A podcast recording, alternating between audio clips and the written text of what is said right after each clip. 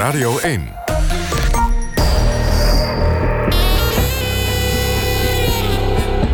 Argos. Onderzoeksjournalistiek van Human en de VPRO. Max van Wezel. Goedemiddag en van harte welkom bij Argos, het wekelijkse onderzoeksprogramma van NPO Radio 1. Straks Siebe Sietsma van Nieuwsuur over hoe dat programma het onderzoek naar de Poolse WW-fraude aanpakte. Maar eerst Defensie. Er gaat bijna geen week voorbij zonder negatieve berichten over de krijgsmacht. De problemen zijn groot na jarenlange bezuinigingen en reorganisaties. Het kabinet heeft nu ruim een miljard euro per jaar extra toegezegd, maar is dat wel voldoende? En zijn de problemen op te lossen met geld? Begin november behandelt de Tweede Kamer de defensiebegroting. Dan komt dat allemaal te sprake. En Rick Delhaas maakt alvast een rondgang langs oud-commandanten, onderzoekers, politici, vakbondsmensen en de president van de Algemene Rekenkamer. Leiderschap komt je niet aanwaaien. Het vraagt inzet, discipline en al je aandacht. Het zit in je maar dat betekent niet dat het er vanzelf uitkomt. Om dat te bereiken moet je alles geven. Jezelf tegenkomen, incasseren en je lat nog hoger leggen. Zo word je de leider die je zelf zou volgen. Want na je universitaire studie bij Defensie begin je meteen als officier, als leider.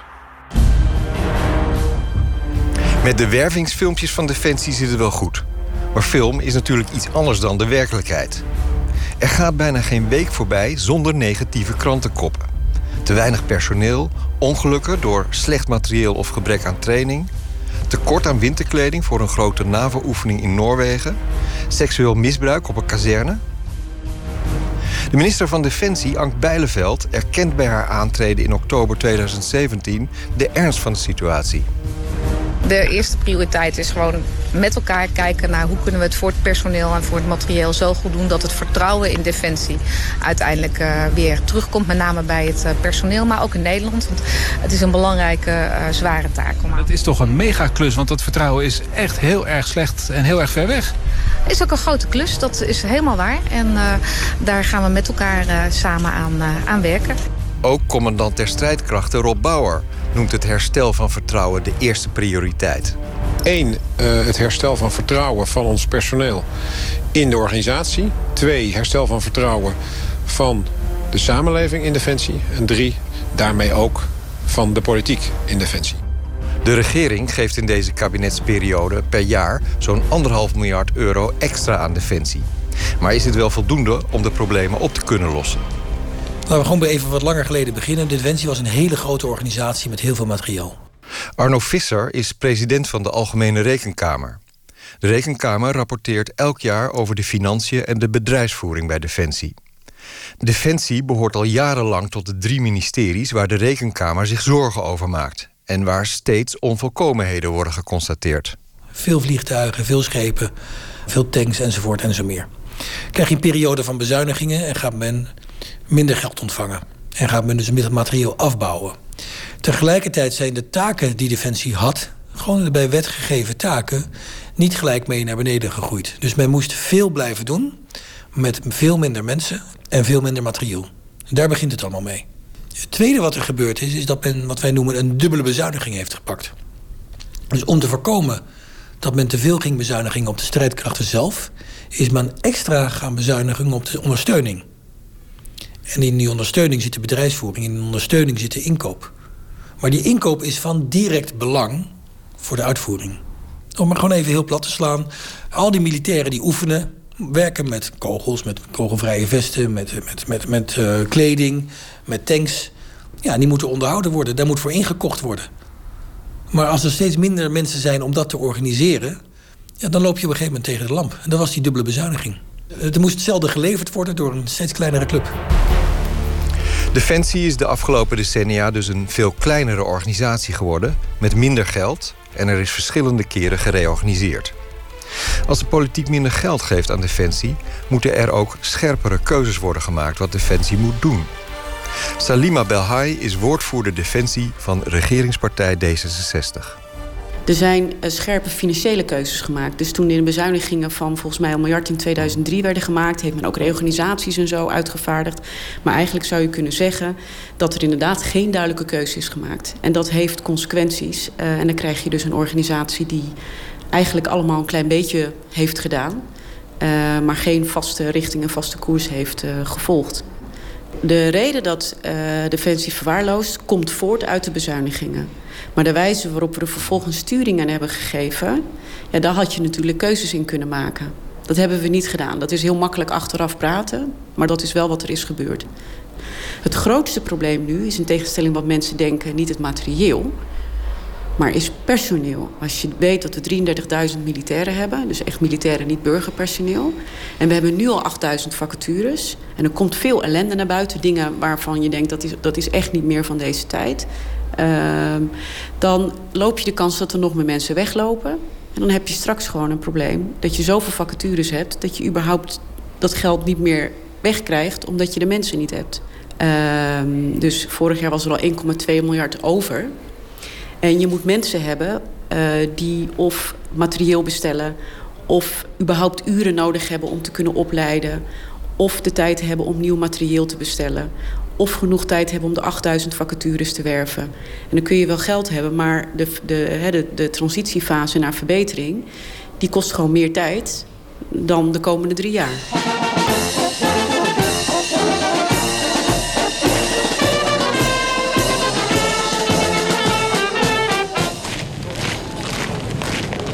Uh, we zijn getuigen geweest van het opleggen van twee regimenten van de cavalerie. Uh, twee regimenten die toebehoorden aan tankbataljons. De tankbataljons die zijn opgeheven, die bestaan niet meer. En daardoor is een staand eenheid uh, weggevallen. En uh, ja, een trieste dag. Dat ik bij mijn aantreden een groot bezuinigingsbedrag aantrof, vond ik erg. Maar eigenlijk nog zorgwekkender vond ik het dat niemand anders in politieke samenleving dat erg leek te vinden. Nederland dreigt voor zijn veiligheid onderverzekerd te raken. Hans Hille was van 2010 tot 2012 minister van Defensie. Hij moest een miljard euro bezuinigen en besloot alle tanks weg te doen. De achterliggende gedachte was dat de Koude Oorlog voorbij was en het Russische gevaar geweken. Maar dat was voordat er gedonder kwam in Oekraïne en de Russen de Krim annexeerden. Was die beslissing achteraf gezien wel verstandig? Dick Sandé, defensieonderzoeker bij instituut Klingendaal... noemt deze beslissing zelfs fataal. Fataal in, in de zin dat we daarmee dus de gevechtscapaciteit... in de noordelijke brigade, 43e mechaniseerde brigade, hebben weggesneden. Ik ben zelf bij een uh, oefening geweest een aantal jaren geleden... in het voormalige Oost-Duitse gebied...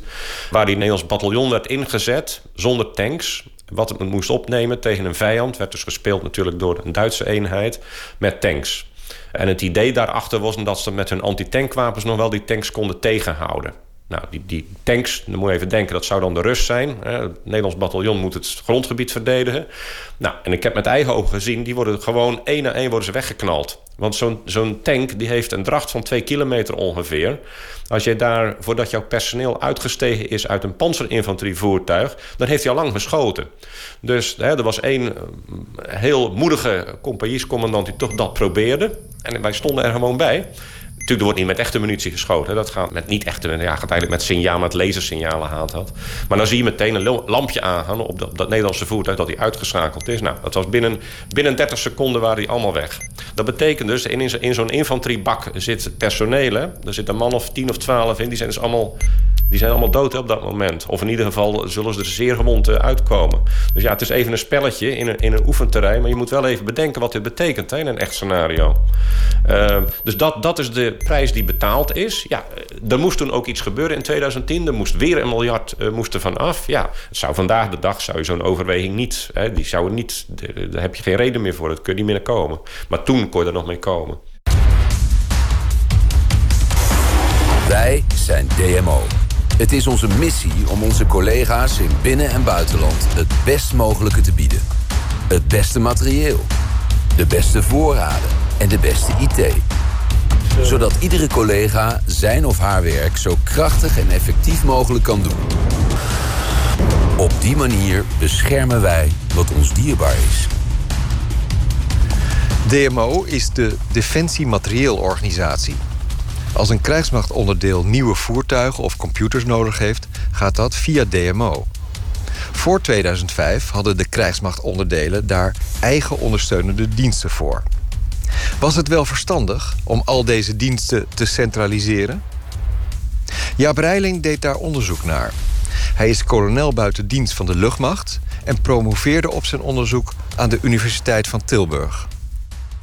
Ten einde tegemoet te komen aan de opdracht tot bezuinigen, was de idee dat als je nou gewoon alle logistieke eenheden van marine, landmacht, luchtmacht en marechaussee, als je die nu allemaal samenvoegt, dan hou je een kleinere logistieke dienst over die goedkoper is. En dan kun je toch nog steeds gewoon doorgaan met, uh, met ademhalen. Maar met name dat is een, is een sterke misvatting, omdat we het hebben over hele specialistische bedrijven. Je kunt niet zomaar de logistiek van een luchtmacht... en de logistiek van een landmacht en de logistiek van marine... zomaar even bij elkaar voegen en dan veronderstellen... dat de man die uh, gewend is te werken aan auto's... vervolgens ook uh, gewend is aan vliegtuigen te sleutelen. Dat gaat mis en ja, dan gaan die dingen kapot... En dan uh, wordt uiteindelijk de operationele kant van het bedrijf wordt tekort gedaan. Er wordt gesteld, wij moeten schaalvoordelen binnenhalen. Oftewel, hoe groter hoe beter en hoe goedkoper. Ja, naar mijn overtuiging is dat maar ten dele het geval. Dat geldt voor betrekkelijk simpele spullen zoals uh, ringetjes of banden in algemene zin, geldt die wetmatigheid. Maar niet als je het hebt over specialistische bedrijven... waar het letterlijk gaat over leven en dood. Ik, zie de organisatie eigenlijk als een soort inhoudelijke keten... waarbij iedere schakel uh, de volgende schakel begrijpt. En dat als je uiteindelijk uh, bij de operationele man terechtkomt... dat hij het vertrouwen heeft dat uh, de dingen waar hij mee moet werken... dat die ook goed zijn toegesneden op zijn taak. Op het moment dat je die mensen uit elkaar haalt... die vroeger gewend waren om met elkaar te spreken over dit soort zaken... dan moeten daar dus weer nieuwe menselijke koppelvlakken ontstaan... die weer die kennisoverdracht voor zorgen. Dat doe je niet met een computer. Dat doe je door met elkaar te praten. En dat proces is onvoldoende aandacht voor. In zijn proefschrift komt Reilings tot een duidelijke conclusie. Dat we in het vinden van de schaalvoordelen zijn opgelopen tegen, tegen de grens. En die zelfs die grens hebben overschreden, helaas.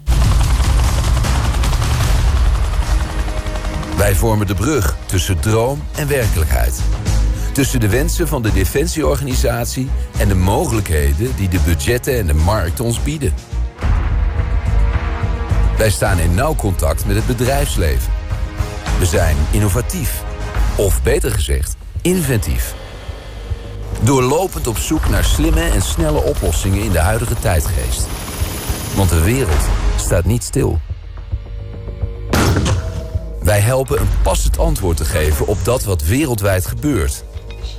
Toen ik commandant was, en dat is uh, 2008, 2012 geweest... toen uh, kreeg ik jaarlijks een taakopdracht van de commandant van de luchtstrijdkrachten. Peter Weininga is kolonel buiten dienst van de luchtmacht. Hij diende onder meer als commandant in Afghanistan. Tegenwoordig is hij als onderzoeker verbonden aan HCSS... het Haag Centrum voor Strategische Studies. Die taakopdracht, er stond in wat er van mij in het komende jaar werd verwacht. Daar zat een budgetvoorstel bij. En daar keken wij dan naar met mijn staf. Daar zat een controller in, daar zat uh, een logistieke man in... een chef operatie, uh, een personeelschef. En daar keek je van, hey, kunnen wij dit? Nou, en als je daar dan vragen bij had... in de zin van, dit is eigenlijk misschien iets te veel... dat kunnen we niet, of we hebben daar meer geld voor nodig... dan ging je in onderhandeling met de staf van de commandant luchtstrijdkrachten... en uiteindelijk kwam je dan tot iets. Ging er of iets van de taakstelling af... of er kwam juist wat geld bij. Jij als commandant had een taakopdracht, daar kreeg je mensen en middelen voor... en daarmee moest je het doen. En wat is het verschil met de situatie nu dan? Uh, het is weg. Je hebt geen controller meer, je hebt geen eigen personeelsmensen meer. Ja, dat is allemaal gecentraliseerd. Dus je zit daar met een uitgeklede staf... en je hebt niet meer de bevoegdheid en, en de verantwoordelijkheid voor je eigen budget... Ook niet uh, voor je eigen personeel, want het personeelsbeheer is volledig gecentraliseerd. Je bent een stuk controle kwijt over je eigen taakuitvoering. Je krijgt dus wel de taakopdracht, maar niet de bevoegdheid over de middelen en de mensen. En dat is volgens mij volkomen scheef. Zo'n commandant moet direct kunnen eh, reageren op veranderende situaties. Ook in zijn logistieke ondersteuning, et cetera, et cetera, moet hij direct kunnen ingrijpen. Dat kan hij nu niet. Hij is allemaal afhankelijk van andere eilandjes die elders georganiseerd zijn in de krijgsmacht. En waarmee een soort van klant-leverancierrelatie ontstaat. En eh, waarmee ze formeel binnen 24 uur moeten leveren. Alleen dat is zelden het geval. DMO bijvoorbeeld? Uh, Defensie Materieelorganisatie. Die levert dus het materieel aan dat een eenheid moet hebben. En de commandant is klant. Wij zijn DMO. Een mix van militairen en burgers. Een combinatie van ervaren krachten en jonge mensen. Een mix van technische professionals, IT-kenners en wapenexperts. Van informatiespecialisten, inkopers en projectleiders. Wij zijn DMO. Wij maken verbinding tussen willen en kunnen. Kolonel buitendienst Reiling noemt nog een ander nadeel van de centralisatie. Dat is dus ook het gevolg van, van die herstructurering van 2005... dat de logistiek nevengeschikt werd aan operatieën. En ja, dat is ten principale, uh, en nota bene... Ik, ik ben zelf een, uh, een logistiekeling van origine... maar dat is ten principale een verkeerde voorstelling van zaken. Logistiek ondersteunt uh, operatie. En er kan dus van nevenschikking geen sprake zijn. wat ik wil benadrukken is dat je in een professionele organisatie... de logistiek niet te ver weg van de operatie kunt organiseren. Dat laat zich dus zien bij Defensie. Maar naar mijn overtuiging zijn er meer voorbeelden van in de maatschappij. Uh, de idee dat de nationale politie... dat dat ook ineens één heel groot geïntegreerd geheel uh, zou zijn... is naar mijn overtuiging ook uh, een misvatting. De nationale politie kent ook specialistische eenheden die uh, een eigen uh, logistieke staart en een eigen afweging uh, vergen. In de zorg, in de medische sector, ook daar heb je professionele eenheden die hele specifieke eigen ondersteuning vereisen. En je kunt dus niet alles maar op één grote hoop gooien om vanuit het idee dat alles, uh, dat alle logistiek uh, hetzelfde is. Ga recht staan, lui! Kijk, ja, het commandolied. Het commandolied is in feite een verzameling van ervaringen die ze meemaken in de opleiding. En die uiteindelijk ervoor zorgt dat als je dat zingt en je hebt je bret op, je toch kippenvel voelt. Iedereen binnen? Ja, stemmen! Commando zijn, dat is het ware leven. Commando zijn, de jongens van Stavas. Commando zijn, het doel. Wij hebben nog van of last. Het is niet alleen een financieel probleem, er ligt ook een heel groot cultuurprobleem bij Defensie, wat mij betreft. Annemarie Snels is voorzitter van de AFNP, de vakbond voor militair personeel. En uh, er is een cultuur van uh, je mond houden, geen kritiek leveren. Uh, er is geen open cultuur, het is geen lerende organisatie. Uh, ik vind dat de leiding te weinig haar verantwoordelijkheid neemt en een voorbeeldfunctie vervult. En mijn stellige uh, indruk is: als je dat cultuurprobleem niet oplost, los je alle problemen ook niet op. Defensiepersoneel, militairen waar je zoveel van vraagt. Het is het enige beroep in Nederland waarvan wij vragen of ze desnoods hun leven willen geven voor de Nederlandse overheid, voor hun werkgever. Als er dan iemand recht heeft op zoveel uh, mogelijk veiligheid aan de voorkant, dan zijn zij het wel. En dat gebeurt niet. En dat ergert mij mateloos. En het heeft de afgelopen jaren tot onnodige slachtoffers geleid. Ik noem Mali, maar we hebben ook het schietincident uh, gehad op de schietbaan. Waar wij militairen vragen om onze veiligheid te beschermen, wordt door hun eigen werkgever hun veiligheid met regelmaat in het geding gesteld. Dat kan er bij mij niet in. Ja, dus u zegt dat de cultuur bij Defensie ook mensen in gevaar brengt? Ja, dat zeg ik. Ja. En daar hebben we helaas uh, een aantal uh, voorbeelden van met dodelijke afloop. Dit schoolgebouw gebruiken wij als uitvalsbasis. Nou, vanuit hieruit gaan we morgen een aanval doen. Op dat dorp. Tot die tijd blijven wij hier verdedigen we dit om mogelijke aanvallen af te weren. Pak de snurk die jullie nodig hebben, eet wat, drink wat en maak je gereed voor de avond van morgen. Defensie moet willen leren van haar fouten. Blijkbaar kunnen ze dat niet zelf. Dus ik zeg, haal externe deskundigheid naar binnen... die zorgt dat processen op orde komen... dat een organisatiecultuur mee verandert. Laat je daarbij helpen. U zegt gewoon van er zitten mensen op verkeerde plekken... die niet geschikt zijn om bepaalde besluiten te nemen. Dat denk ik, ja. ja.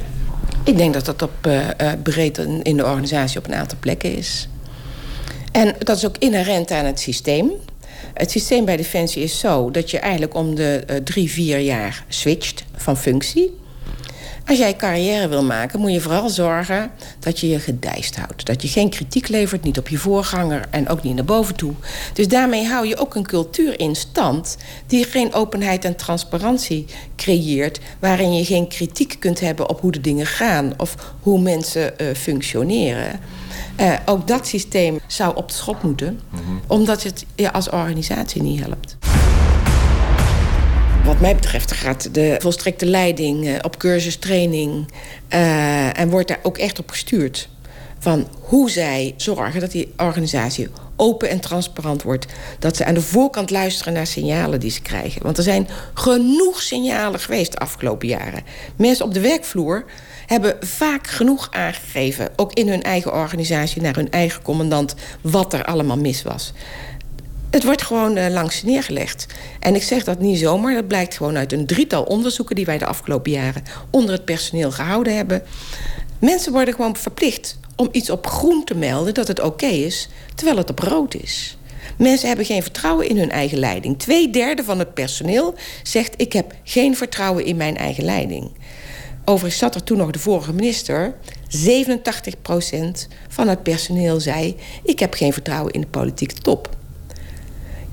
Ja, als je dat vertrouwen kwijt bent, dan heb je een zeer zware dobber als organisatie. En de enige die daar verandering in kan brengen, is de directe leiding en ook de politieke top. De doelstelling van de afmatting is na acht zware weken die mannen iets voor te schotelen wat ze eigenlijk een leven lang bijblijft. Waardoor ze ja, de overtreffende trap ervaren van vermoeidheid. En uh, daardoor ook beseffen dat uh, er altijd nog uh, verder gegaan kan worden dan dat ze dachten dat mogelijk was. Waar krijgen ze nu fysiek last van?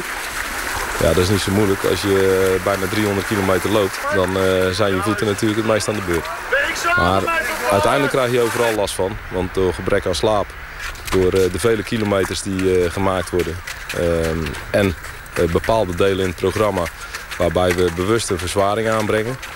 Uh, wordt er eigenlijk helemaal niks in het lichaam gespaard. En dat is ook de reden waarom het afmatting heet.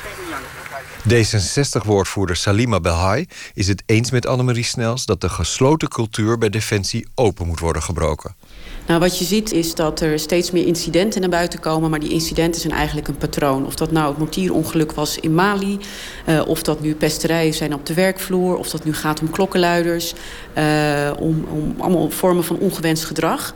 Dat zijn allemaal dingen die naar buiten komen... die gewoon niet kunnen, want mensen moeten veilig hun werk kunnen doen. En Defensie is een hiërarchische organisatie, dus het is bijna klassiek waardoor dingen niet doorkomen. Maar voor Defensie is dat gewoon een direct gevaar voor de veiligheid voor de mensen. Dus je moet de cultuur openmaken. Je moet toestaan dat een soldaat uh, tegen een generaal zegt... er is hier echt iets aan de hand. En wat je nu ziet is dat er veel dingen naar boven komen... waaruit blijkt dat dingen weggestopt worden. Hè? Want dat is ingewikkeld of dat uh, betreft een collega. En die gesloten cultuur... die leidt ertoe dat er gevaarlijke situaties zich kunnen voordoen. Die gesloten cultuur is wat u betreft de kern van de kwestie. Een gesloten cultuur belemmert een organisatie om uh, alert te reageren als er sprake is van veiligheidssituaties die niet op orde zijn. Belemmert mensen die uh, last hebben van intimidatie, pesten of seksueel ongewinst gedrag om daarmee naar buiten te komen. En belemmert dus ook in zijn totaliteit de organisatie om een nieuw profiel van zich neer te zetten, waardoor mensen denken: dit is een mooie werkgever. Dat hangt dus allemaal met elkaar samen. Verandering begint altijd in de top. Dus dat begint bij bewindspersonen, dat begint bij een SG... dat begint bij een commandant der strijdkrachten. Als de top uitstraalt, wij willen die verandering hebben... wij vinden het niet goed als mensen hun mond houden in de organisatie... als dat leidt tot gevaarlijke situaties... dan, dan heb je al een hele grote stap gemaakt. Maar gaan we dat op korte termijn uh, oplossen... uh, zoals het nu uh, ingezet is door de bewindspersoon? Ik denk van niet, omdat gemiddelde organisatieveranderingen tien jaar duren. Uh, en het een hele hiërarchische organisatie is. En een organisatie is die heel veel problemen nog achter zich aansleept. Terug naar de bezuinigingen en het gebrek aan middelen. Terug naar de president van de Algemene Rekenkamer, Arno Visser. Er is een mismatch ontstaan tussen wat er aan geld beschikbaar werd gesteld door de politiek en wat er door dezelfde politiek van werd verwacht. En het is van tweeën één. Of je hebt minder ambities, want je hebt minder geld. Of je bepaalde ambities en je levert er geld bij. Welke van de twee het moet zijn, is een politieke keuze. Tuurlijk. He, dus um, het probleem wat ik wil duiden is niet zozeer dat ik zeg er moet meer of minder geld bij. Het probleem wat ik wil duiden is politiek wees duidelijk in wat je wilt en wat je vraagt. En lever daarbij ook de middelen en de mensen en de tijd om dat gedaan te krijgen. Dus dat, en dat geldt nu nog steeds. Ja. En kunt u iets meer zeggen over die mismatch? Nou, die, kijk, Defensie heeft verschillende taken. we hebben ook nog een aantal uh, overzeese uh, gebieden in het Koninkrijk. Daar worden ze ook geacht op te treden. Ze moeten ondersteuning doen uh, voor, voor de autoriteiten in het land als hier een groot probleem is. ze moeten de verdediging van het eigen grondgebied hebben en ze hebben missies. Vier taken moeten ze allemaal veroefenen. En dat kan niet allemaal tegelijk. Dus als je op alle vier terreinen dezelfde ambities houdt en die ambities heel hoog hebt, dan moet je, dan moet je leveren. Dan moet je, als je dat vraagt, hè. Kijk hoe vaak men uh, vraagt aan Defensie om op missie te gaan. Dan moet je weten wat de consequenties zijn op die andere terreinen. En dan moet je dus weten hoeveel er nodig is aan materieel en mankracht. En hoe, dat, hoe ingrijpend is. Een van de belangrijkste aanbevelingen naar de missie Mali was... niet alleen aan de leden van Defensie in de Tweede Kamer... maar ook voor Buitenlandse Zaken is... op het moment dat u besluit om de defensiemilitairen te sturen naar een land als Mali voor een missie... moet u niet alleen weten wat het betekent in dat land en die militairen... maar je moet ook weten wat het betekent voor de rest van de organisatie. De gaten die het slaat in de organisatie. En die zijn veel groter dan iedereen zich realiseert. Ja. Dus voordat je besluit dat je wilt uitzenden... moet je ook weten wat, wilde weten wat de consequenties zijn. En dus waren de consequenties onvoldoende bekend? Die waren onvoldoende bekend, die zijn onvoldoende duidelijk gemaakt. En de problemen waar men nu tegenaan loopt... zijn ook de gevolgen van jarenlange uh, missies in den vreemde. En als ik u goed begrijp, uh, is, zijn de consequenties van zo'n uh, besluit om naar Mali te gaan... zijn onvoldoende uh, inzichtelijk de gevolgen daarvan op het ministerie van Defensie... maar ook in de Kamer. Ja, het geldt voor beide. Dus we zagen ook dat men bleef werken met onderhoudsplannen... Plannen, die geënt waren op de Nederlandse situatie in het Nederlands oefenen. Dan moet je dus zeggen, of we kunnen in de toekomst minder doen, want die voertuigen gaan minder lang mee. Ja. Of, als u hetzelfde wil doen, hebben we meer geld nodig... want we hebben meer voertuigen nodig om dit vol te kunnen houden. Maar de top moet het weten om een beslissing over een missie te nemen... en ze wisten het niet. Nee, en dat komt omdat jarenlang daarvoor onvoldoende in beeld was gebracht... wat de consequenties zijn van zo'n missie... en de systemen die men heeft om dat bij te houden... daar niet op ingericht waren. Ja. Even in mijn eigen woorden, het klinkt een beetje alsof de politiek Defensie heeft uitgewoond. Nou ja, uitgewoond is een hele zware term. Maar er is een, laten we zeggen, een hele zware wissel getrokken op de defensieorganisatie. En dat hebben we dus nu 15, 20 jaar achter elkaar gedaan. Met alle consequenties van dien. Dat we dus materieel hebben waarvan we dachten dat we het 20 jaar konden gebruiken, maar dat kunnen we niet 20 jaar gebruiken. Dat we materieel hebben waarvan we dachten dat het beperkte hoeveelheid onderhoud nodig had, maar het heeft veel meer onderhoud nodig. dus we hebben een wissel getrokken op mensen en materieel.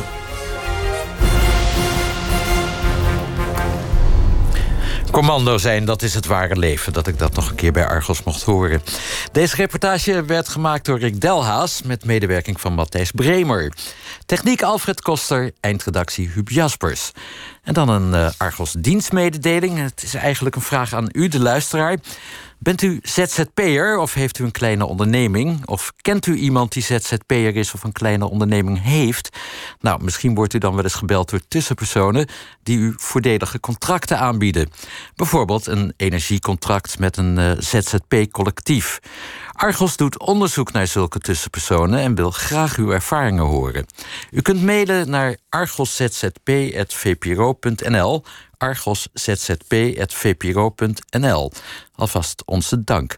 Straks Siebe Sietsma van Nieuwsuur over de WW-fraude.